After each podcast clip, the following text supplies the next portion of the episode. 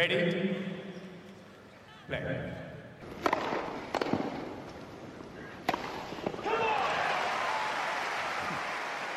Yemek Sepeti'nin sunduğu tenis podcast'imiz Inside Out'un 30. bölümüne hoş geldiniz. Ben Gökalp. Ben Anıl merhaba. Anıl bu sefer değişik bir giriş yaptık. evet bu sefer... bir şeyler söylemek e, ister misin? e, bu sefer sipariş veremesek de kullanamasak da e, Yemek Sepeti'nin sponsorluğunda başladık yayınımıza. Bildiğiniz gibi Gökalp de ben de yurt dışında yaşıyoruz. Türkiye'de yaşamıyoruz. Ama on, ona rağmen sağ olsun e, Yemek Sepeti bize de destek veriyor, inanıyor ve e, keşke burada da yemek sepeti hizmeti gibi kaliteli hizmet olsa da nasiplensek diyoruz ama e, Avrupa'da inşallah buralara gelecek yakında.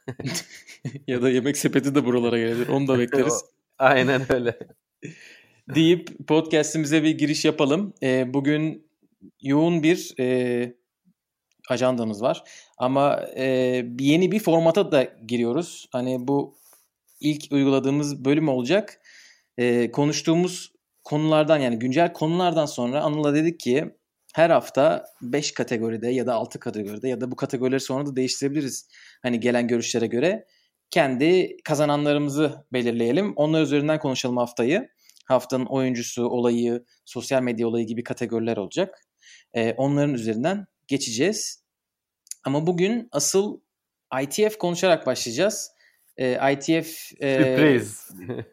aynen öyle. O şu anda böyle yavaş yavaş konuşuluyor Twitter'da ama insanlar çok da bilmiyorlar ne olduğunu. Böyle ilk işte 300'den yüksek daha 300 e, bin arası sıralamalı oyuncuların hayatında bir şeyler değişiyor.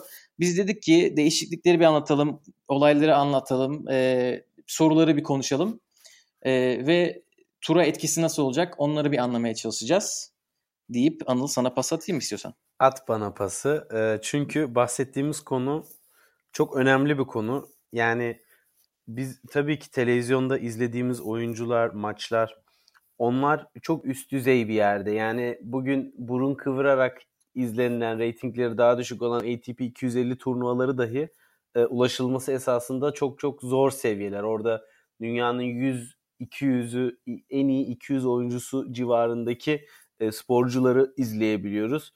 Hani şuradan pay biçelim. Teniste dünyanın ilk 200'ü içerisinde olmak aşağı yukarı gerekiyor buralarda mücadele verebilmek için. Ama mesela futbolda bu konu hani Türkiye'nin 200'ü bile izleniyor. Hani o yüzden ne kadar kısıtlı bir alanı e, izlediğimizi düşünelim ve bu tenis sporuna e, başlayıp profesyonel olarak devam etmek isteyen birçok oyuncu var ve bunların birçoğunu biz televizyonda izleyemesek de onlar bir şekilde tenis oynayarak yaşamlarını idame ettirip para kazanmaya çalışıyorlar ve bunun da en kilit noktalarından birisi oynadıkları turnuvalardaki ödüller. Çünkü aşağı seviyelerde sponsorluk gelirleri çok fazla değil ve bu turnuvalara katılabilmek için de topladıkları puanlar. Şimdi e, bu topladıkları puanlarda belli e, sistem değişiklikleri oldu ATP ve WTA için. Gökalp senden sonra onu detaylıca anlatırsın. Ama işin özü şurada. ATP puanı diyoruz, WTA puanı diyoruz. Bir de ITF diyoruz. Tabii ki kim bunlar? Yani e, ITF bundan yaklaşık 105 sene önce kuruldu. E, 12 tane ülkenin önderliğinde ve hani o zamandan beri önemli turnuvaların organizasyonunu yapıyorlar ve genel olarak e, kural ve çerçeveleri belirliyorlar. İşte Davis Cup'ı, Fed Cup'ı, Hopman Cup'ı e, ITF organize ediyor. Olimpiyatları, işte Grand Slam turnuvalarının e, komitesinde her daim ITF temsilcisi yer alır. Orada çok büyük sorumlulukları vardır. Am bu arada Uluslararası Tenis Federasyonu hani açıldığını evet, da söyleyelim. Evet. Oradan In, şey e, olsun. International Tennis Federation. Ee, evet Uluslararası Tenis Federasyonu doğru. O önemli bir bilgi. Teşekkürler Gökhan.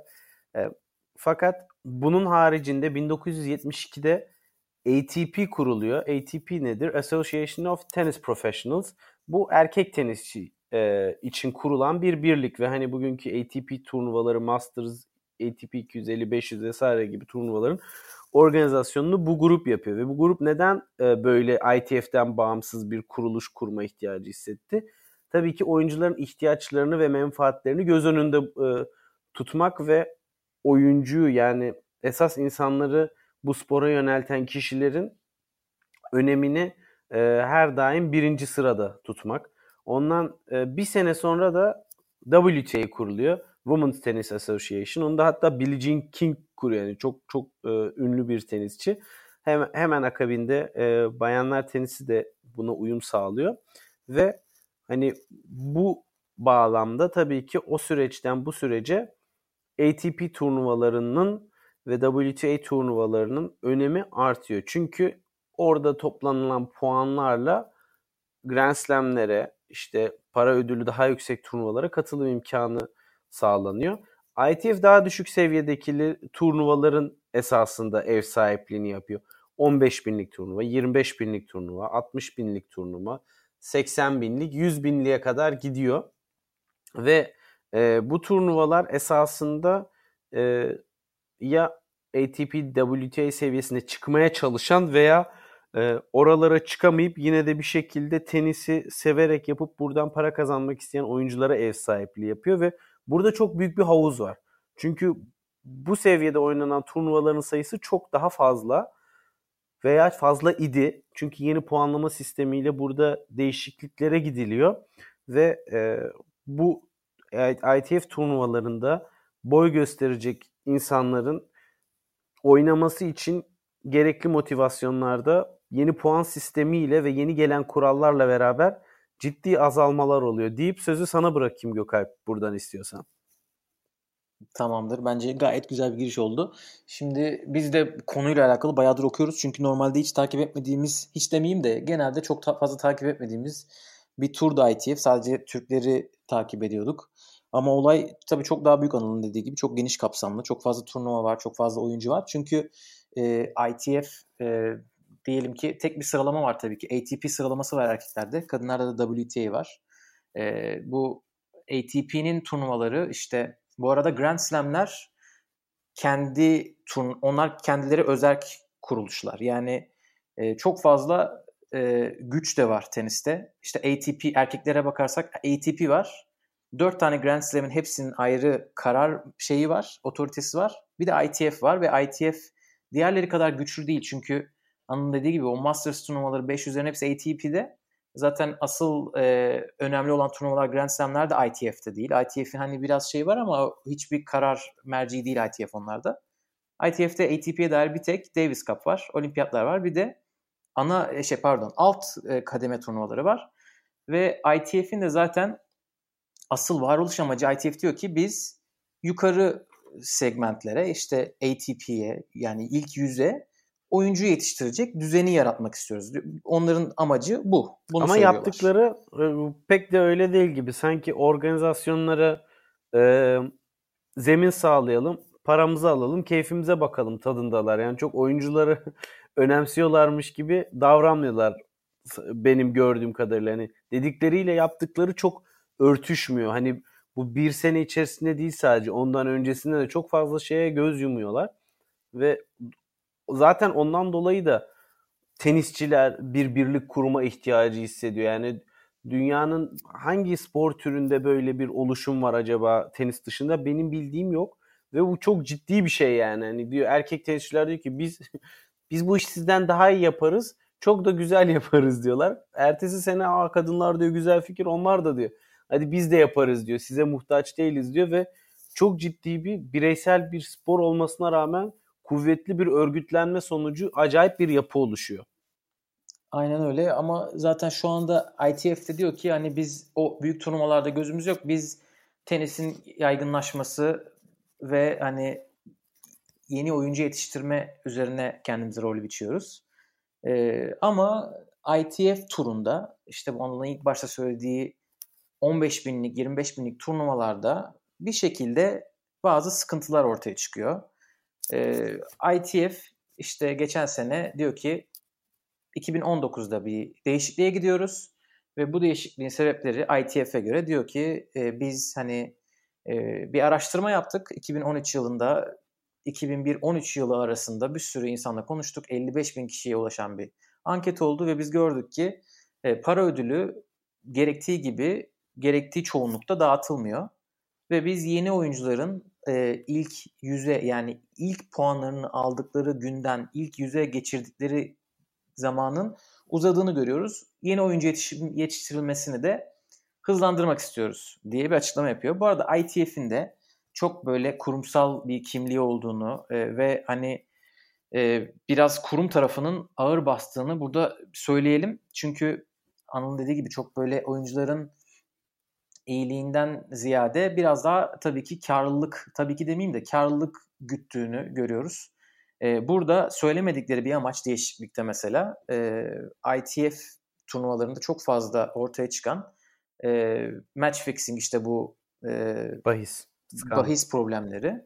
Aynen o, o tür o tür skandallar çoğunlukla ITF'te çıkıyor. Bunun tabii ki en büyük sebebi daha yukarı seviyelerdeki turnuvalarda zaten oyuncuların prestijinin daha yüksek olması ve hayatlarını idame ettirebiliyor olmaları. Bir şey söyleyebilir ITF... miyim bu noktada Gökhan? Tabii tabii. Yani e, bu bahis olayı çok konuşulduğu için söylüyorum yani bahis yapacak adam zaten her şekilde yapar ve hani e, buradaki para ödülleri tabii ki daha düşük olduğu için e, orada o seviyede bahis e, match fixing için verilecek olan meblağ turnuva ödülünün de üstünde olabileceği için oyuncular bu işlere daha çok girebiliyorlar.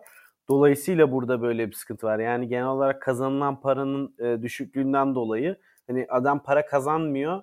Niye tenise devam ediyor sorusunda acaba bahis mi çeviriyor gibi bir düşünce oluşması aslında çok da e, gerçek dışı değil. Ama bakıyorsun e, ITF'in yönetiminde 16 kişi var ve bunların sadece ikisi tenisçi.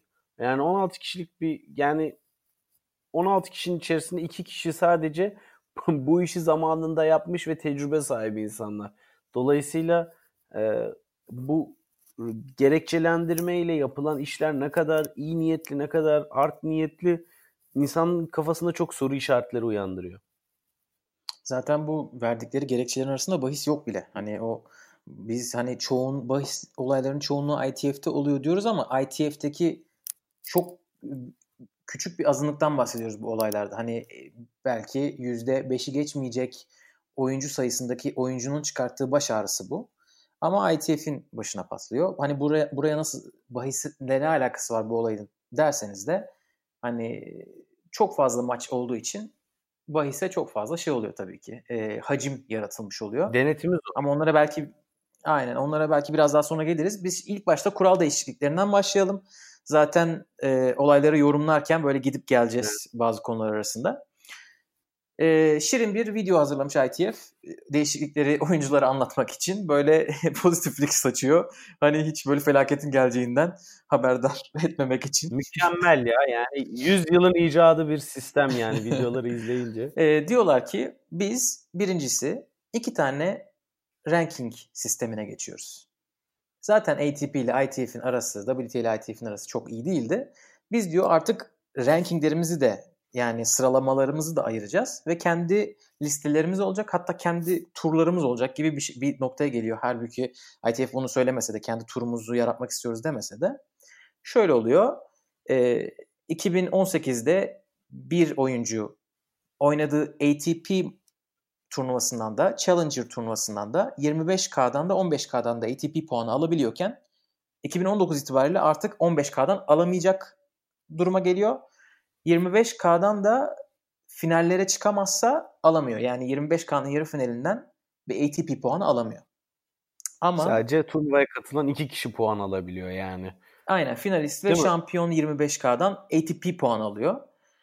Yani e, şöyle özet geçmek gerekirse basit tutmak adına turnuvaya aşağı yukarı 30 kişi katılıyor ve 25 bin ödüllü bir turnuva ve iki kişi sadece buradan ATP'ye yönelik bir puana layık görülüyor. Değil mi? Evet 32'lik bir kura genelde. 32'lik kuranın ikisi ATP puan alıyor. Bize eleme oynayanlar var ya onu diyorum. Eleme, elemeyi saymıyorum zaten. 32 ana ha, ana tabii. ana tablo. Ee, ve e, bu insanlar peki geri kalan 30 kişi ne yapıyor? Onlar da yeni ITF puanı denen şeyden alıyorlar. ITF puanı da ATP turlarındakilere verilmiyor. Challenger'da eleme oynayanlara veriliyor. almazlar zaten. Aynen. Challenger'da eleme oynayanlara veriliyor. 25K ve 15K'da da herkese ITF puanı veriliyor. İşte yani e, finaliste de veriliyor, şampiyona da ama yarı finaliste, birinci tur oynayana da hepsine veriliyor. Yani böylece bir oyuncunun hem ATP sıralaması hem ITF sıralaması olabiliyor. İşte 500. 600. bir adam ATP'de ITF'de 30-40. olabiliyor. Çünkü ITF turnuvalarından daha çok oynayıp oralarda daha çok başarı gösterdiyse.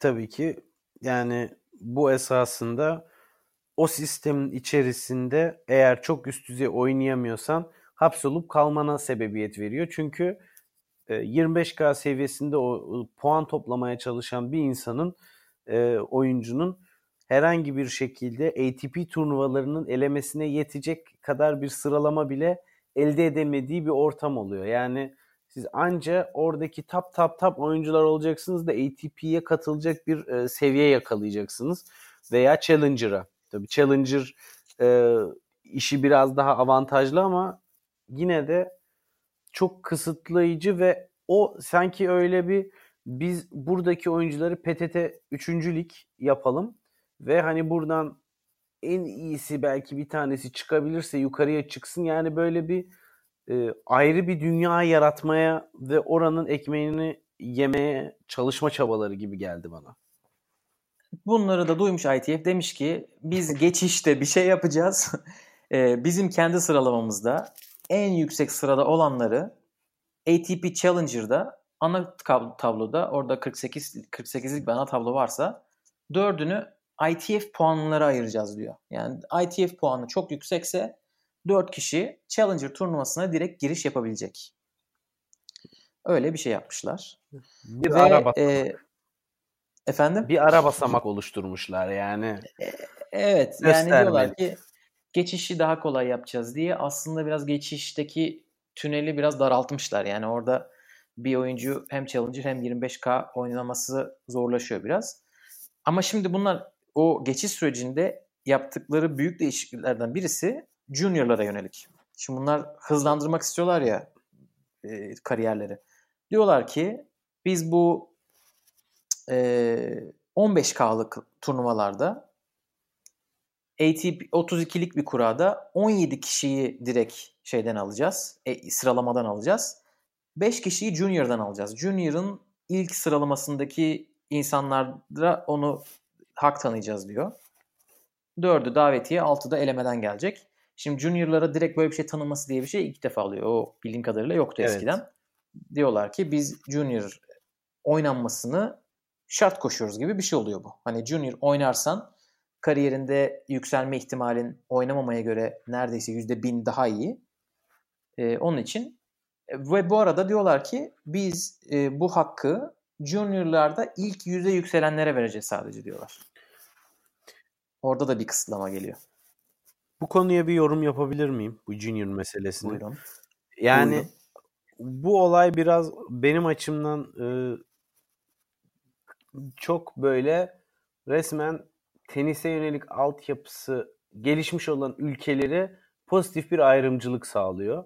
Çünkü junior turnuvaları oynamak için nereye gitmen gerekiyor? İşte bu turnuvaların yapıldığı. Bu turnuvalar nerede yapılıyor? Daha çok işte e, altyapısı kuvvetli yerlerde yapılıyor vesaire vesaire. Şimdi bahsettiğiniz junior yaş seviyesi işte 15, 16, 17 yaş değil mi? 18 yaşından sonra genelde profesyonelliğe dönüyorlar.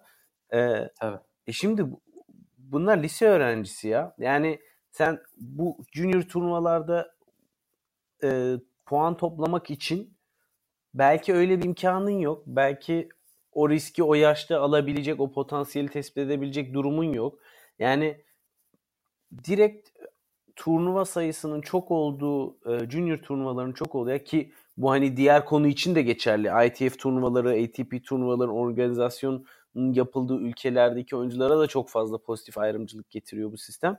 Bundan dolayı yani juniorlardaki hak avantajı esasında junior oynamaya imkanı yeten ülkelerde yaşayan şanslı azınlıklara veriliyor gibi bir şey oluyor bence. Bence de öyle. Bu sadece Junior için değil. O e, wild kartlar için aynı şey geçerli. Evet evet. Evet aynen. Yani bu davetiye 4 tane veriliyor turnuva başına. Öyle söyleniyor. Ki şu anda şey demeye başlamışlar. O davetiyeler için ayrı bir turnuva, küçük bir turnuva yapılsın. Ama evet. biliyoruz ki yani bir sürü yerde tur davetiye lokal oyunculara gidiyor. Yani turnuvanın tabii ki istediği odur yani federasyonla iyisi arası. Federasyonun oyuncularına verir. Burada hem senin dediğin gibi juniorlarda hem de e, wildcard'da daha çok turnuva olan yerde daha böyle iyi bir gelişme olacak gibi bir durum var. Öyle bir yan, yanlı bir durum var ve ITF onu da düşünmüş büyük ihtimalle çünkü şey demiş e, turnuva oynanan ülke sayısını artırıyoruz. Ve işte böyle çok uç örnekler vermişler. Pasifik'te bir ada varmış da oradan çıkan bir oyuncu Fiji'de oynuyormuş 15K'sını. O bile yükselebiliyormuş falan filan diye böyle. Hmm. Bana biraz çok böyle siyasi söylem gibi geldi. Hani böyle onu da onda da bir sıkıntı yok gibi. Çok böyle altında bir malzeme yok gibi geliyor kulağa. Valla bu tarz hareketler bana kimi hatırlatıyor biliyor musun? Zep Neyse siyasi Yok yok siyasi değil. yok şaka yapıyorum. Zep Latter'i hatırlatıyor. O da böyle. Oo, sonunda çıkar mı bir şeyler? Bilmiyorum yani ama e, şimdi orada kim tenis oynuyor, ne kadar tenis oynuyor, profesyonel kariyere girişimcilik ne kadar olur oradan hani e, amaç ne? Yani bu örnek ne kadar şey geneli değil ki bu binlerce insandan bahsediyoruz. Biz burada tabii. 15 bin kişiden tabii, tabii. E, bu yani tenisi para kazanacak, hayatını idame ettirecek e, derecede seven ve iyi yaptığına inanan 15 bin insandan bahsediyoruz. Bunların içerisinde Fiji örneğiyle alakalı olan kişi sayısı bayağı azdır yani. Hani bir belki Aynen denk gelebilir. O da Fiji'de Aynen oynayan tek tenisçi olabilir. Ee, yani sonuç itibariyle Bu meselenin arada... özü yerine olayı acitasyonla manipüle etmeye gitmişler bence. Evet, Bu da zaten evet. anlattıkları ve arka planda söylemedikleri ve hayata geçirdikleri e, kurallar ile samimiyetsizliklerini bir nebze daha ön plana çıkartıyor. Evet. Yani TIF şu anda bayağı sıvıyor. Hani biz konuştukça siz de anlayacaksınız e, diye düşünüyorum. Biz biz konuştukça sıvıyorlar. biz konuştukça sıvamaya devam ediyorlar şu an. Tweetler atıyorlar. Bu Junior'da ilk yüze odaklanacağız meselesi %85 diye bir rakam bulmuşlar. Diyorlar ki şu anki ilk 500 oyuncularının %85'i kariyerlerinde Junior'da 100 gördü mü? Öyle bir rakam var ellerinde. Ki bu da e, oyuncuların kendi söyledikleri bazı rakamlarla aslında çakışıyor. E, bakıyorum doğru mu şey yapmışım diye. E, oyuncular da diyorlar ki bu arada eğer siz olayın dibine girmek istiyorsanız Facebook'ta Change ITF Rules diye bir grup kurulmuş. Ve bu grupta oyuncular var, işte federasyon görevlileri var, e, oyuncuların anne babalarından da vardır mutlaka. Çünkü ge- çok genç oyuncuları da ne yapacaklarını bilmiyorlar.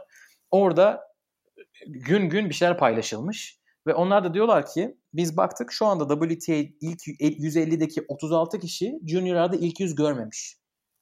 ATP'deki ilk 150'nin de 39'u Junior'da ilk 100 görmemiş. Siz diyorlar öyle Junior'a o kadar fazla abartı bir şekilde destek verirseniz hani başkalarının 25-26 yaşındakinin önüne geçecek kadar bir sürü hani potansiyel Haksızlık. yeteneğin önünü kesmiş oluyorsunuz diyorlar ve böyle güzel de örnekler vermişler. Serena'nın, Venus'ün, Naomi Osaka'nın, David Ferrer'in junior rankingi bile olmamış. Ya bu oyuncular junior oynamadan geçmişler direkt pro tura. Ya olabilir zaten yani bu, bu dediğim gibi öğrencilik dönemi orada kendi ülkesinde lokal e, turnuvalarda evet. oynar. Hani tenis oyunu adam 18 yaşında başlamıyor ki tenise. Ama imkanları gereğince farklı bir şekilde e, tenis nasıl Tabii. mesela Amerika'da nasıl sistem var? Bu college sistemi hani bir sürü oyuncu çıkıyor orada işte Koko'lar, Sloan Stevens'lar vesaireler üniversite boyunca WTA falan oynamıyorlar ama tenisini işte college tenisde devam ediyor. Ondan sonra bir şekilde yolun yarısında katılıyor ve çok güzel bir seviyeye geliyor. Yani sen niye sadece ITF'den e, gelen adamları anaokulundan başlayan zorunlu bir eğitim mi ki bu yani illa junior oynayacaksın? Yani zaten adam o yaşına kadar tenis oynamamışsa ve birden oralara geliyorsa helal olsun yani e, onu başarabiliyorsa. Diğeri orada oynamışsa. Bunun pozitif ayrımcılığa gerek yok. Yani A turnuvasında değil de B turnuvasında oynadın. O yüzden sana e, avantaj vermiyorum. Ben bu işleri çok e, saçma buluyorum açıkçası. Özellikle böyle iki tane Aynen. kadınlar ve erkekler tenisinde çok güzel işler yapan özerk yapı varken E, junior'lara önem vereceksen ATP'nin yaptığı gibi baba gibi Next Gen Finals'ı koyacaksın oraya. Gör bak e, junior'lar olan ilgi nasıl artıyor. Değil mi? Benim gibi junior'lara çok e, dikkat çekmeye çalışan ve yeni yetenekleri ön plana çıkarmaya çalışan bir isim olarak herhalde bu konuda bunu söyleme hakkım var diye düşünüyorum. Aynen öyle. Zaten ama ITF'in düşüncesi de hani ya da herhangi bir insanın düşüncesi juniorların kötüye gittiği yönde değil. Sadece bence juniorları o kadar iyi görüyorlar ki şu anda o onlara hani kolay çözüm gibi geliyor. Direkt juniorları yıldız yapalım ve geriye kalan işte şu anda rankingi yok olan insanlarla uğraşmayalım. Çünkü onlar bize dert olabiliyor başımıza gibi bir kafadalar şu anda. Ve dediğin doğru hani o Amerikan üniversitesi şeyleri ileride geleceğiz. Şu anda oyuncular ITF'e bir mektup yazmış durumdalar. O da konuşulan konulardan birisi. Diyorlar ki şu anda üniversite Amerikan college öğrencilerinden profesyonel tenise geçen çok var. Bu arada Coco da Sloan da yok onların arasında. Ama e, John Isner, Daniel Collins, işte Nicole Gibbs, Christian, Mackenzie McDonald falan filan gibi insanlar var. Bunlar ilk yüze girdiler. Onların girmesini kesinlikle engelliyorsunuz diyorlar. Şimdi burada senin de dediğin gibi iki şey olabilir. İnsanlar birincisi bütçeleri olmayabilir. Junior oynayacak. Çünkü junior için çok gezmen gerekiyor. Çok erkenden başlaman gerekiyor vesaire. İkincisi eğitim görmek istiyor olabilir. Hani daha böyle geleneksel bir eğitim görmek istiyor olabilir. Okula gidip gelmek istiyor olabilir. Çünkü gezen oyuncuların çoğunluğu homeschool yani internet üzerinden eğitim görüyorlar. Üçüncüsü de bir sürü oyuncu ulusal turnuvalar üzerinden yükselmek istiyor olabilir. Şimdi Çağla mesela junior kariyeri yok ve ulusal turnuvalarda hani Türkiye 12'ler, 13'ler, 15'ler öyle ilerlemiş. Mesela Çin'de neredeyse bütün oyuncular ulusal turnuvalardan yetişiyorlar. Bir sürü federasyon var ki bu arada ITF de sürekli ne zaman bir sıkıntı çıksa federasyonlarla biz hep görüştük demiş ama hmm bu juniorlara fazla bel bağlamışlar ve e, şu anki bir sürü oyuncuyu da hani gözden çıkarmışlar gibi bir durum söz konusu. Deyip puanlara bir geri dönelim istersen. Çünkü puanları biraz yarıda bıraktık. Tamam. E, bu 2019 itibariyle ITF'te ITF turnuvalarından artık ATP ve WTA puanı çıkmayacak noktasında e, zaten senenin başında bir sürü oyuncunun puanları buharlaşmış. Yani hem ATP hem de WTA ve onların kendi bir ITF puanları oluşmuş. E, ve orada tur biraz ikiye ayrılmış durumda. E, şu anda şöyle söyleyelim. 25K'lık bir turnuva var mesela. Bunun kazananı bu sene 5 ATP puanı kazanıyor. Ve geçen sene buradan 35 puan kazanıyormuş. Tabii. Hani o kadar fazla bir fark var artık. Onun için e, böyle bir 500 ilk 400 ya da 500'ün ya da 600'ün altındaki oyuncular böyle yani neredeyse 1000 oyuncu e, onlar şu anda biraz zor durumdalar. Çünkü ne olacağını da bilmiyorlar. E, ITF turu da biraz karışık ve işin sıkıntısı orada bir nokta daha var. Eleme e, kuralları da küçültürmüş 15K'ların 25K'ların. Işte. Onun için e, aynen ve çok az oyuncu girebiliyor e, ve oyunculara turnuvaya girme limiti getirmedikleri için de bir oyuncu yani ilk 15-20 oyuncu bütün 5 turnuvaya birden yazılıyormuş şu anda ve onun için böyle Antalya'da bir tane alternate listesi vardı. 500 kişiyi geçmiş. Sistem sistem çok kötü durumdaymış şu anda. Ve onun için oyuncular da biraz e, homurdanmaya başladılar. Haklı olarak tabii ki. E, biraz sesler yükseldi bu anlattığım Facebook grubu dışında da birkaç şey var ITF'e karşı. İstiyorsan oraya geçelim. Başka şimdilik burada yorumun yoksa. Ya bu puan meselesinde son söylemek istediğim şey şu. Tamam. E, yani puan olayı hangi turnuvalara katılabileceğini, hangi turnuvalara eleme oynamadan ana tablodan katılabileceğini e, çok önemli bir şekilde etkiliyor. Bu dolayısıyla çok daha net bir şekilde olması lazım ve 25, 26, 30 yaşında olur, 35 yaşında olur. Bu turnuvalardan e, kazandığı paralarla insanlar hala hayatını geçindiriyor ve bir anda adamın bütün düzenini alt üst ediyorsun. Çünkü geçen sene ATP 500'e belki katılabilecek seviyeye gelir. Qualifying ediyorum veya ATP 250'nin elemesine katılabilecek. Oralarda belki iki gün geçirip e, boy gösterebilecek, para kazanabilecek adam. Şimdi 25K'lık turnuvaya katılabiliyor. 60K'lık turnuvaya katılabiliyor. Çünkü Neden? Geçen sene 25K'lık turnuvadan 100 puan toplamış. Hepsi uçtu gitti. Yani adam bir senede bütün düzeni, planı, her şey tepe taklak oluyor. Yani bu çok bir seneden öbür seneye yapılabilecek bir şey değil. Bir de biz konuştuk diyerek işin e, içinden sıyrılıp e, geçilebilecek bir konu değil bu puanlama sistemi. Her şeyi tepe taklak ediyor çünkü üstteki oyuncular hariç. İlk yüzdekilerin zaten e, öyle bir olayı yok. O dolayısıyla zaten çok e, ön plana çıkmıyor bu konuda. Aynen öyle. Zaten şimdi oyuncularla arasındaki ITF'in gerilimi konuşurken bunlara tekrar tekrar geleceğiz. E, bu e, geçiş süreci çok zorlaşacak kısmı senenin ilk iki ayından zaten gözükmeye başlamış. E, 13 Şubat'ta sanırım ya da on, ondan bir birkaç gün önce ya da sonra ITF bir haber çıkartıyor ve bu haberle biraz dalga geçiliyor. Çünkü işte dünyanın yeni bir numarasıyla tanışın gibi bir haber yapıyorlar. Orada bu yeni ITF sıralamasının bir numarasını e, orada şey yapıyorlar, e, tanıtıyorlar. Peter Heller diye e, Alman bir oyuncu 26 yaşında.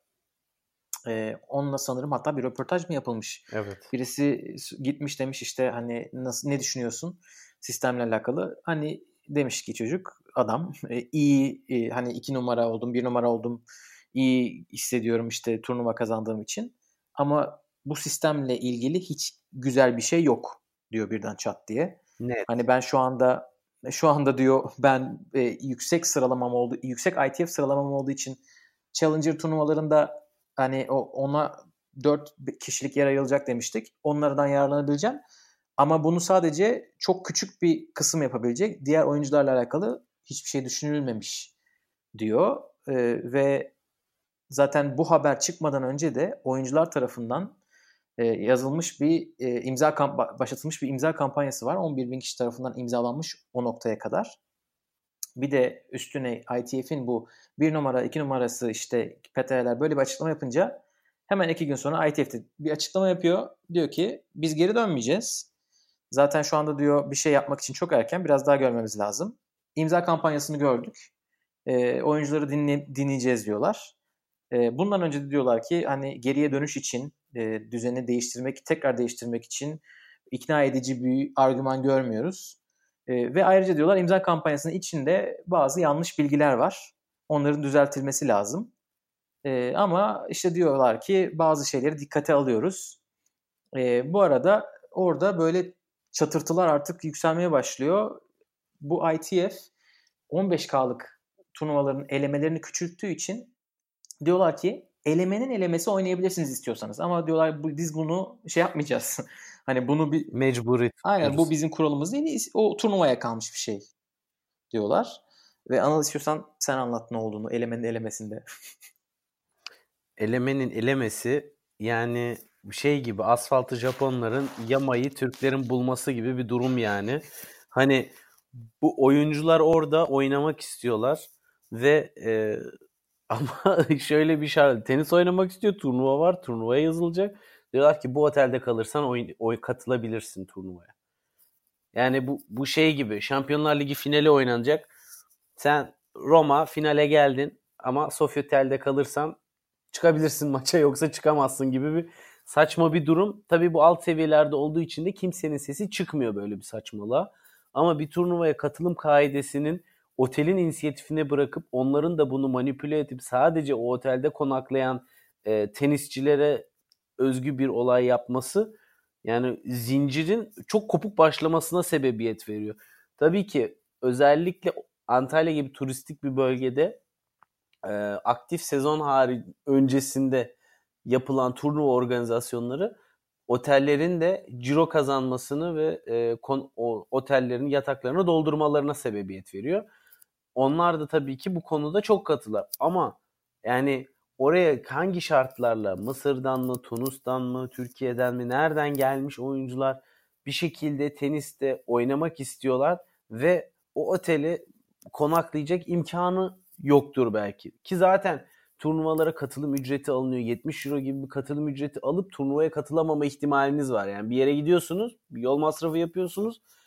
Turnuvaya katılmak için para veriyorsunuz ama yine de turnuvaya katılamıyorsunuz. Şimdi kulağa böyle söyleyince çok saçma geliyor ve nasıl aklı başında koca koca adamlar böyle bir şey e, yapmış diyorsunuz ama yapmışlar ve olay o yüzden çok kontrol alınamaz bir noktaya geldi ve tamamen sistem e, belli turnuvayı organize edenlerin menfaatlerini korumayı ön plana çıkarmış. İşte zaten bu tarz şeylerden dolayı zamanında ATP ve WTA gibi kuruluşlar oluşmuş. Bu tarz e, birkaç tane takım elbiseli adam oturup da insanların e, geleceğini düşünmeden, önemsemeden kendi menfaatlerini ve e, çıkar düzenini düşünerek bir şeyler yapmasın diye. E, bunlar işte çok bana çok rahatsız edici ve böyle sıkıntı basıyor içimi ya gerçekten. Çünkü insanların emekleriyle oynuyorlar resmen. Evet şimdi hani ses çıkmıyor çıkmıyor dedik. Sonra Anıl'ın içine sıkıntı bastığı gibi yüksek kalibrede insanların içine de sıkıntı basmış. Sonra Sergey Stahovski konuşuyor ki Sergey Stahovski'nin konuşması bu e, noktada çok önemli çünkü ATP ilk 80 görmüş bir insandan bahsediyoruz. Hani bu e, bahsi geçen ve tartışmaya konu olan oyuncular çok fazla sesi yok medyada. Ama Sergey Stavrovski konuşuyor, çıkıyor diyor ki ITF diyor çok bürokratik bir yer. Ayrıca ne yaptıkları hakkında bir fikirleri yok. E, bu arada Sergey Stavrovski'nin bir önemli, önemli noktası da o şu anda şu anki ATP oyuncu konseyinde e, bir üye. Hani diğer üyelerden işte Kevin Anderson var, Novak Djokovic başkan. Hani diyor ki biz işte bizim önerimiz ATP'nin bu alt seviye turnuvaları da alması. E, bunu diyor Indian Wells'deki ikinci toplantımızda konuşacağız. İlk toplantı hatırlayanlar olmuştur. Avustralya'da yapılıyor. Onun için Avustralya oynanırken her zaman her sene bir şey olur. Oyuncu konseyiyle alakalı bir dedikodu çıkar. Ama ne olduğunu hiç bilemeyiz. Çünkü konsey içinde konuşulan konseyde kalıyor. İkinci turnuvada toplantıda Indian Wells'de olacak. Şimdi Stavovski çıkıp bunu söylüyor. Biz diyor e, bunu konuşacağız. Bu bizim gündemimizden bir tanesi. Ve bunu Facebook grubuna da yazıyor. Merak etmeyin biz bunun farkındayız diye. Sonra ITF çıkıp diyor ki bu Stavovski'nin konuşması diyor çok sorumsuzca. Ayrıca diyor yanlış şeyler var. ATP, ITF diyor e, ne, yaptığını bilmeyen bir kurum değil. Biz diyor o kadar anket yaptık, o kadar insana sorduk. Biz 1976'dan beri giriş turnuvalarından sorumluyuz erkeklerde. 84'ten beri kadınlarda giriş turnuvalarından sorumluyuz falan filan diyor. Ama oyuncuların zaten burasına kadar gelmiş o noktada. Sonra e, Ana Vrlic, Ana Vrlic'i belki Türk tenisini takip edenler biliyorlardır. Çünkü Türkiye'de çok turnuva oynuyor ve Türk oyuncularla arası iyi. E, kalemi de çok iyiymiş, onu gördük. E, bu hani sıkıntılarla alakalı birkaç defa Facebook'ta yazıyor ve en son sanırım 19 Şubat'ta yani birkaç gün önce ITF'e bayağı uzun e, ve 9 böyle çözüm önerili bir mektup yazıyor ve o mektubu diyor ben kendi başıma yazmadım. 670 oyuncunun, 700 oyuncunun imzası var diye döşüyor altına önerileri. Ve şu anda en son o noktadayız ve o önerilerden birkaç tanesi mesela diyor ki tek ranking'e geri dönülsün. Çünkü iki ranking olunca işte arada çok kopukluk oluyor. E, turnuvaları bırakın onlar karar versinler eleme sayısını. E, tek günde tek tekler maç oynansın. Aynı günde tek tekler maç oynansın. Çünkü şu anda aynı günde 3 maç oynatılabiliyormuş oyunculara. Evet. Yani o kadar kötü durumlar. E, gibi gibi şeyler ve en son şeyle bitiyor işte. Otel fiyatlarına bir hani kontrol getirilsin. Burada tabii ki ITF'in yardımına ihtiyaçları var oyuncuların. E, yazıyor ve ITF şu anda beklemede. ITF'den henüz bir açıklama yok. Ama ITF'de e, muhalefet yani bir sonraki başkan adaylarından birisi çıkıp bunu belki biraz seçim kampanyası ama gal- galiba gerçekten bir değişiklik yapmak istiyor adam. Diyor ki işte ben zaten onlara söylemiştim bunların yapılmaması gerektiğini, bunların hepsinin dikkate alınması gerekir falan falan diyorlar. Bu sırada e, ATP'den de bir, bir iki oyuncu daha çıkıp desteklerini belirtiyorlar. E, WTA'den de öyle. Alyaz Bedene e, ki o da 43 numaralara kadar çıkmıştı. Bu arada Stahovski 31 numarayı görmüş. Orada yanlış söylemiştim e, sıralamayı. Alyaz Bedene de çıkıp diyor işte biz bu olayın farkındayız. Yap, yapılan değişiklikler çok saçma. Onun için bir değişikliğe gidilmesi gerektiğini düşünüyoruz diyor. E, durum böyle. E, ITF bayağı bir sıkıntının içerisinde şu anda. Büyük ihtimalle gururlarından hemen geri adım, adım atmak adım atmak istemiyorlar ama geri adım atmaktan başka da bir çareleri gözükmüyor şu aşamada.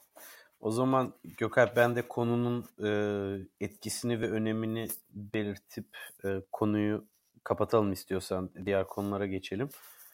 E, şöyle yani tenis zaten işte imza toplayan insan sayısı 15 bin. Yani zaten o ilk 100 kişi arasına girip oradan iyi şartlarda yaşayabilecek parayı kazanmaya aday kişi sayısı 15 bin. Hani daha fazlası yok. Ve e, bunun yarısı belki de yarın bu yeni kurallarla beraber bu işin komple dışına itilecek. Şimdi tenis oynayan insanlar, tenisi izleyen insanlar, tenis için para harcayan insanlar yani tenis endüstrisine dolaylı olarak katkı da sağlayan insanlar. Yani oradan para kazanmaya çalışıyorlar ama bir para da harcanıyor. E şimdi tenisi olan, tenisi oynayan insan, tenise ilgi duyan insan sayısına zarar verirseniz sizin esas ITF olarak yapmanız gereken sponsorları e, arttırıp bu e, organizasyona daha çok para getirip oyuncuların daha iyi şartlarda, daha rahat bir şekilde, daha kaliteli e, yerlerde, turnuvalarda e, oynamalarını sağlamak yerine insanları buradan soğutursanız işin her tarafına e, zarar vermiş oluyorsunuz ve e, bu bu çok basit bir şey değil yani. Sonuçta bu oynayan oyuncular raket alıyor, top alıyor. Oralarda o turnuvaların sayısı arttıkça, katılım arttıkça, oynayan oyuncu sayısı arttıkça raket üreticilerine, top üreticilerine vesairelere de bu çok çok ciddi e, etkileri oluyor yani. Sonuçta dünya kadar turnuvadan bahsediyoruz. Yani e, tenisi geliştir nasıl geliştirebiliriz diye kafa yorması gereken insanlar tamamen tenise nasıl e, baltayı vurabiliriz ve bu sporu profesyonel olarak yapmak isteyen insanlara aman sakın ha gelmeyin mesajını nasıl veririz düşünüp öyle bir karar almışlar gibi. Bence buradan Evet, evet evet. Yani burada bir sürü insan şeyden korkuyor şu anda. Hani o tereddütte olan ya da böyle sıralaması çok düşük olan insanların çoğu dediğin gibi yarın tenisi bırakacak. Çünkü geleceklerinin olduğunu evet. hayal edemiyorlar. Şimdi ben sana çok daha önemli noktasından bahsedeyim. Bugün bu Türkiye'de de çok oluyor şu anki şartlarda bile iyi de olsa bir oyuncu tamam mı? 15 yaşındasın 16 yaşındasın. Türkiye'de işte yarı final oynamışsın çeyrek final oynamışsın. Final belki şampiyon olmuşsun belli yaş gruplarında. Tenisle de bir şey yapmak istiyorsun. Çünkü tenisi seviyorsun. %90 ne oluyor bu işin sonu biliyor musun? Diyorlar ki ya oyunculuktan para kazanmamız çok zor. Nasıl gezeceğiz o kadar turnuvayı da belli bir seviyeye gelip o o kabuğu kırabileceğiz biz en iyisi antrenörlük yapalım diyorlar. Bu sefer 18 yaşında antrenörlük yapmaya başlıyor. Yazık günah değil mi ya? Düşün, düşünsene futbol adam başlıyor 15 yaşında. Ya ben bu işten para kazanamam deyip daha doğru düzgün adam akıllı bir kariyer kurmadan antrenörlük yapmaya başlıyor. Yani ve hani bu insanları Türkiye'den iyi bir mesela Türkiye esasında çok da dramatik bir örnek değil. Bizde çok fazla turnuva oynanıyor ve Türk tenisçileri bu açıdan avantajlı işte. iki tane ATP oynanıyor, WTA oynanıyor. 60K seviyesinde turnuvalar var, 25-15K seviyesinde var, Challenger var. Yani Türk oyuncuları yine organizasyon olarak avantajlı ama e, genel olarak insanları tenis oynamak isteyip para kazanmak isteyen insanları sen oynama, sen git antrenörlük yap demeye iten bir sistem bu benim gözümde. Çünkü o seviyede e, birçok oyuncu zaten bir yandan antrenörlük de yapıyor para kazanmak için. Turnuvalardan para kazanmıyor ama tenisten bir şekilde nasıl para kazanabilir mi çıkarmaya çalışıyor. Ve işte e, bu sistem insanları daha çok aman oynamayın tenisin kıyısında köşesinde dolanın 3-5 kuruş belki cebinize atarsınız demeye getiriyor. Yani şimdi siz hani Uluslararası Tenis Federasyonu'nu Anıl'ın bu söylediklerini neden yapıyor diye düşünüyor olabilirsiniz. Ee, bizim onunla ilgili de bir teorimiz var. Hani bu kadar tenisi hani e, düşük seviyede, düşük sıralaması olan oyuncuları e, bir çırpıda silecek hareketleri neden yapıyor? E, düşüncemiz şu ki bu aşağı seviyedeki turnuvalarda çok fazla bahis skandalı ortaya çıktığı için diyorlar ki biz bu bahis olayını limitleyelim. Onda nasıl yapalım? En düşük turnuvadaki maçların pardon en düşük seviyedeki turnuvaların eleme maçlarının sayısını azaltalım. Sayısını azaltırsak e, onunla beraber bahis olayı da azalır. Bu arada sayısını azaltmak derken E, burada yüzde böyle şu anki oyuncuların yüzde 32'sinin yüzde erkeklerde yüzde 16'sının tamamen birden yok olmasından bahsediyoruz. Çok da önemli değil bizim için diyorlar. O oyuncuların zaten bize bir katkısı yoktu. Çünkü bizim sporumuz zaten yıldızlarla büyüyor. Ee, ve biz de yıldız yetiştirmek için juniorlar yolundan gideceğiz. Kısa yolumuz bu. Bizim yani bizim gördüğümüz kadarıyla naçizane diyeyim çünkü yani iki gündür okuyoruz ama bu olaya tabii ki uzağız. Hiç oyuncular kadar, koçlar, anneler, babalar kadar yakın değiliz. Ama biz yani dışarıya ITF'in gösterdiği bu. Biz bu ilk 700 sonrasını umursamıyoruz. E, tenisin geleceğinde bu junior yolundan gelenlere emanet edeceğiz ve onu da çalışacağını düşünüyoruz falan filan. Burada ne olabilir? Anıl'ın dediği gibi tenise ilgi azalabilir. Bunu profesyonel kariyer olarak şey yapmamış olabilir olan insanlar azalabilir. Tenise ilginin azalması bu arada şöyle şey bir şey değil. Hani e, manevi bir şey değil. Tenise ilgi azalınca Re- rating düşüyor. İzleyen insan sayısı azalıyor televizyonda. Tenisten para yani kazanacak. onlar bence ATP'den kotarırız diyorlardır WTA'den. İşte Federer, Serena falan kotarırız diyorlardır ama hani şey var tenis malzemesi yani hı hı. firmalarda bir, bir ciro kaybı gözlemlemeleri lazım mutlaka. Çünkü sonuçta sadece ilk 100, ilk 200 tenis malzemesi almıyor. Evet. Burada bir sürü kursa giden şey insan var. Ve bir de şöyle durumlar da var. Hani bazı çocuklar var mükemmel oynuyorlar. Tenisle futbol arasındalar ya da tenisle başka bir şey arasındalar. Şimdi o insanlar büyük ihtimalle tenisi seçmeyecekler ileride. Çünkü ITF diyor ki ben artık 1500 kişiye şans tanıyorken 750 kişiye şans tanıyacağım diyor. E, sporun biraz adını şey yapıyorlar hani e, gibi bir e, durum söz konusu. E, hani Stahovski de bu arada diyor ki ATP biz dataları alalım biz onları kontrol edelim. Ama ITF o durumu bırakacak gibi değil. Çünkü ITF e, bu bahis şirketlerine ya da live score şirketlerine data satışından e, şu anki cirosunun %18'ini yapan bir e, 15 milyon dolarlık yaklaşık bir gelir Gelsin elde paracıklar. Ediyor. Oh. Onu da o, onu da bırakacak gibi değiller. Bakıyorum şu anda 13 milyon dolar elde ediyorlarmış ve bu hani gelirlerinin en yüksek 3. kalemi. İlk sponsorluktan geliyor 19. İkinci medyadan geliyor. Üçüncü de direkt datadan geliyor. Ve bu data 13 milyon dolar. 2017 rakamı. 2016'da bu sadece 6 milyon dolarmış. İkiye katlamışlar. Bahis sektörü dünyada çok ee, büyüyor için... tabii ki. Ama ve onu da şey yapamıyorlar. Ya, Ondan da vazgeçemiyorlar. Ya, bahisin önüne geçmek istiyorsan onun dünya kadar farklı yöntemi var yani. O zaman bütün e, amatör spor branşlarını kapatalım yani. Neyse durum böyle. ITF e, biraz zor durumda. Biz hani bu kadar analiz edebildik. Umarız faydalı olmuştur. E, yani ilginç şeyler oluyor. Deyip ITF kısmını kapatalım. Ve ikinci biraz daha herkesin e, renkli ta- kısma geçelim şimdi. renkli kısma, daha az politik kısma geçelim. Bu sefer dediğimiz gibi turnuva turnuva konuşmayacağız. Kategoriler üzerinden konuşacağız. Birbirimize kimi şey yaptığı, kazandırdığımızı söylemedik ama herhalde aynı gideriz. Anıl öyle düşünüyorum. Haftanın oyuncusuyla başlayalım mı? haftanın oyuncusu. Şimdi haftanın oyuncusunu Gökalp baştan ilk defa yapıyoruz. Bir tane haftanın oyuncusu olur benim gözümde. Hani kadın ve erkek ayırmayalım. Çünkü bu hafta Tabii. ben çok arada kaldım. İki tane isim arasında. Sen de muhtemelen iki isim arasında kaldın. Hayır. Benim çok Senin net. çok Tabii. Vatandaşın diye tahmin ediyorum. Ee, çok net. Yani ben de bu hafta haftanın oyuncusu olarak Belinda Bencic diyorum.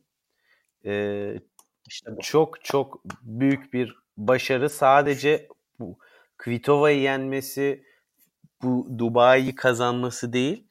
Bencic işte tam da bu demin konuştuğumuz konudaki gibi bir e, yol izledi. Dedi ki sakatlıktan döndü. Protected ranking almayacağım ben dedi. ITF oynadı, 25K oynadı, 60K oynadı çatır çatır tekrardan yüksele yüksele geldi oralara ve bu yaşında laps diye aldı şampiyonluğu ve çok güzel oynadı. Ee, kendisini gerçekten çok büyük saygı duydum bu turnuvada oynadığı tenisle. Zaten Federer tutuyorsa birini e, boş boş biri çıkmaz ondan yani. E, boşuna kaç senedir yanında götürmüyor Hopman Kap'a.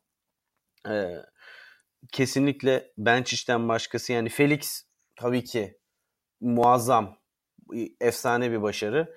Ama e, Felix de tabii ki katıldığı turnuvanın seviyesinden dolayı yani esasında baktığın zaman ya. 500 Ona da kategori var. Evet yani. Ben bench övebilir miyim biraz ya? İyi hadi öv öv ama çok yani uzak. bu nasıl güzel backhand? Bu nasıl güzel servis? ne güzel oynadı. Ya bu nasıl bir mental kapasite ki o o kadar duygusallığa.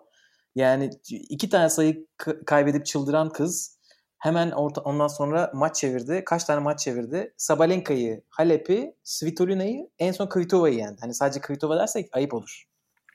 Deyip sıradaki kategoriye geçiyorum. Ama Geçelim. Ensemde hissediyorum nefesini. Haftanın yükselen oyuncusu. Haftanın yükselen Felix. oyuncusu tabii ki Felix. E, soyadını Hemen sana oradan geri vereyim. Fe- Felix'i bu araya girip be- benim yerime telaffuz edebilir misin? Ben beceremiyorum soyadını. Felix Oje Aliasim. Ah, Evet işte. Ben Felix olarak hitap ediyorum kendisine. E, Kendisi şu ara Twitter'da değişik e, komplo teorilerinin e, istatistiklerinin başrol oyuncusu. Neden? Çünkü 18 yaşında e, Federer'le aynı yaşta ATP finaline çıkmayı başarıyor. Abi çok güzel tesadüf ya. Yani Sampras'la başlıyor biliyor musun? Sampras'la, evet. Ya onlar ikisi aynı gün doğmuşlar da Sampras aynı ay diye. Fe- Federer'le doğum tarihi aynı Felix'in ve Federer'in başardıklarını tam olarak Federer'den 18 sene sonra başarıyor. Ee, bu ilk istatistiklerinde ve şu anda yak yani kaydımız yani 20 dakika sonra final maçı başlayacak ki karşısında da Laszlo Cere var. Ee, o da annesini babasını çok genç yaşta kaybetmiş bir oyuncu ve bu iki genç oyuncu e, şu anda ATP 500'de karşılıklı finalde olacaklar. Zaten senenin başından beri sen de dikkat etmişsindir Gökalp. E, Masters turnuvaları haricindeki seviyelerde genç oyuncuların çok ciddi dominasyonu var. Yani ilk 5'in katılmadığı turnuvalarda genç oyuncular patır patır herkesi yenip yenip geçiyor. E, bu güzele işaret.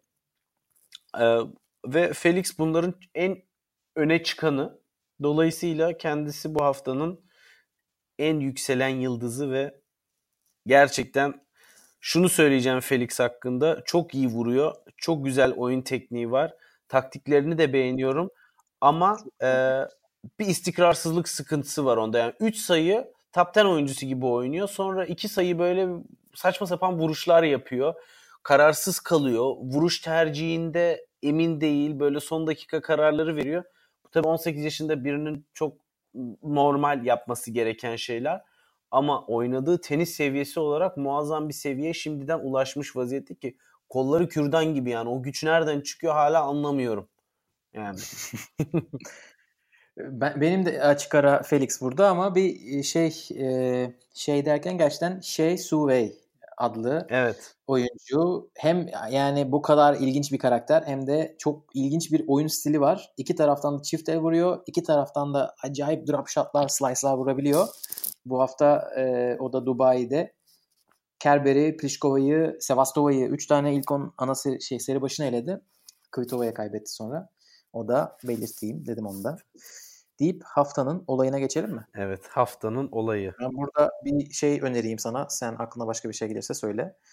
Ben burada haftanın olayı olarak Rio'daki 500'lük turnuvanın seri başlarının ilk turda sapır sapır dökülmesini konuşalım istedim. Çeyrek finalist olarak neredeyse hiç kimse yoktu.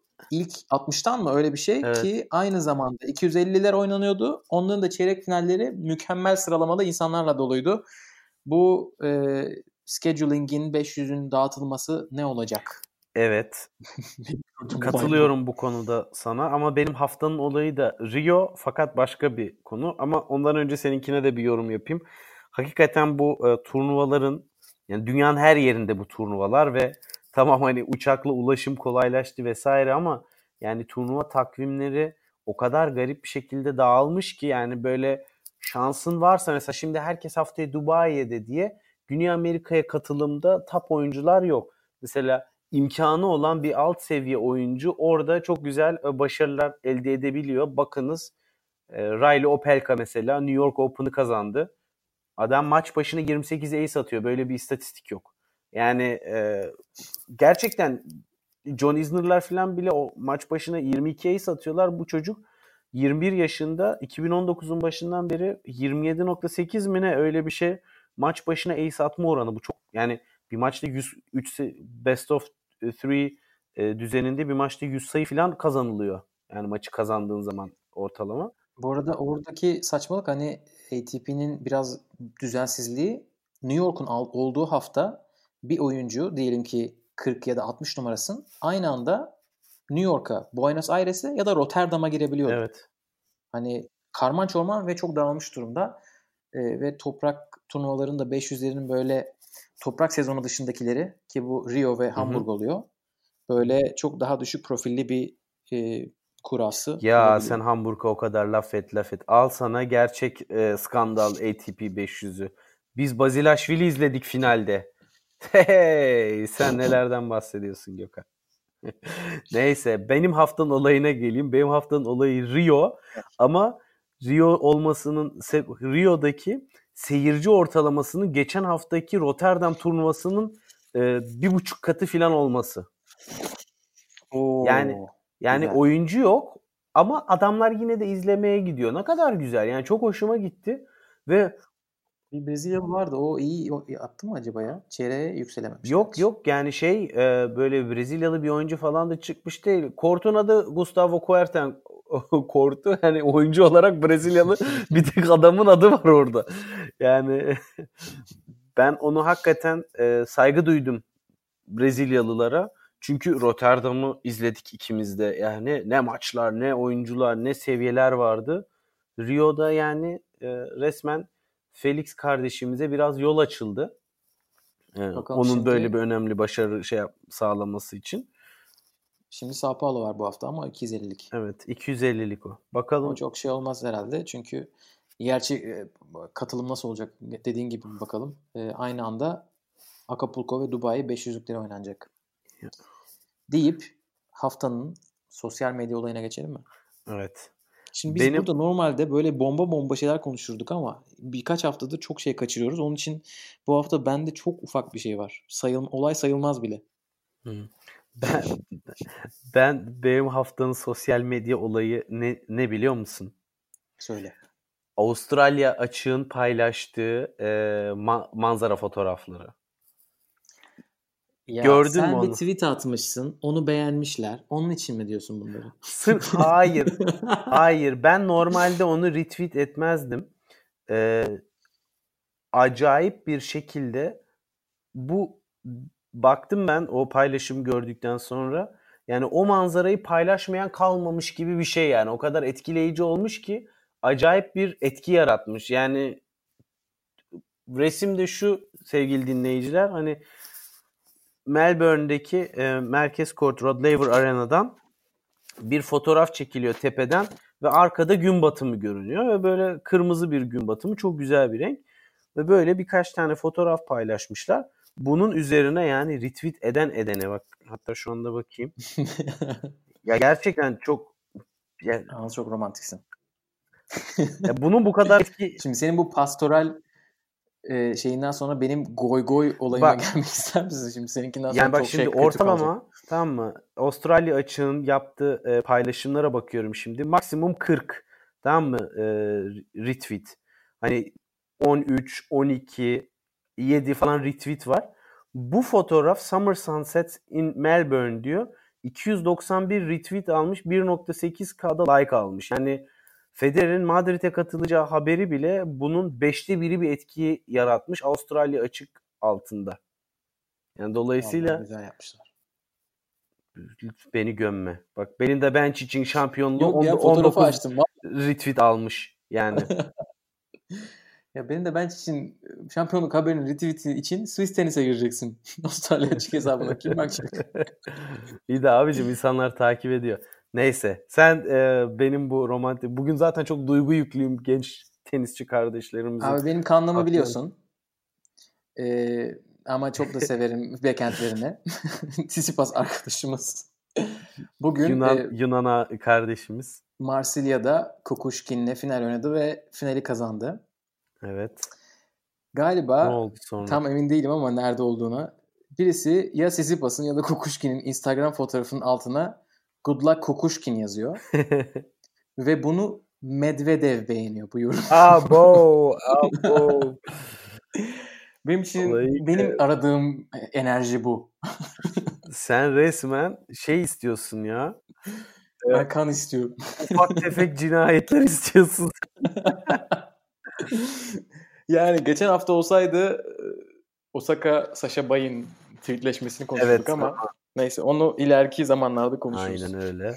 Ee, evet. Tsitsipas'ı da Son olarak tebrik edelim. Marsilya'da kazandı. buradan Bando olsun. kazandı e, şampiyonlukta.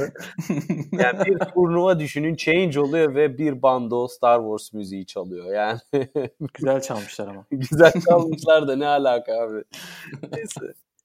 Tabii keyifli. Son kategorimiz. Haftanın maçı. Evet haftanın Var mı bir şeyimiz? haftanın maçı gerçekten yani WTA'den vermek isterdim ama benim gönlümden özellikle gençleri konuştuğumuz bu duygu do- dolu do- duygu yüklü günde e, Mu- Munar e, Felix maçı bence haftanın maçı. Çünkü tenisin geleceği de onlarda olacaklar ve inşallah böyle güzel sık sık karşılaşacak. Çok da keyifli bir maçtı ayrıca. Yani iki sette net bir şekilde Felix yendi ama e, Munar da çok güzel bir maç izletti bize. İşte bunlar teniste istisnai başarılar. Yani 18 yaşında 19 yaşında bu seviyelerde oynayabilmek 5-10 kişi maksimum. İşte geri kalanı ne yapıyor diye insanlar e, görmüyor. O yüzden düşünmüyor. Ama ITF denen federasyon esasında kimsenin bakmadığı yere bakıp onları kollaması gerekirken onu yapmıyor. Anıl'ı sinirlendirmeyin.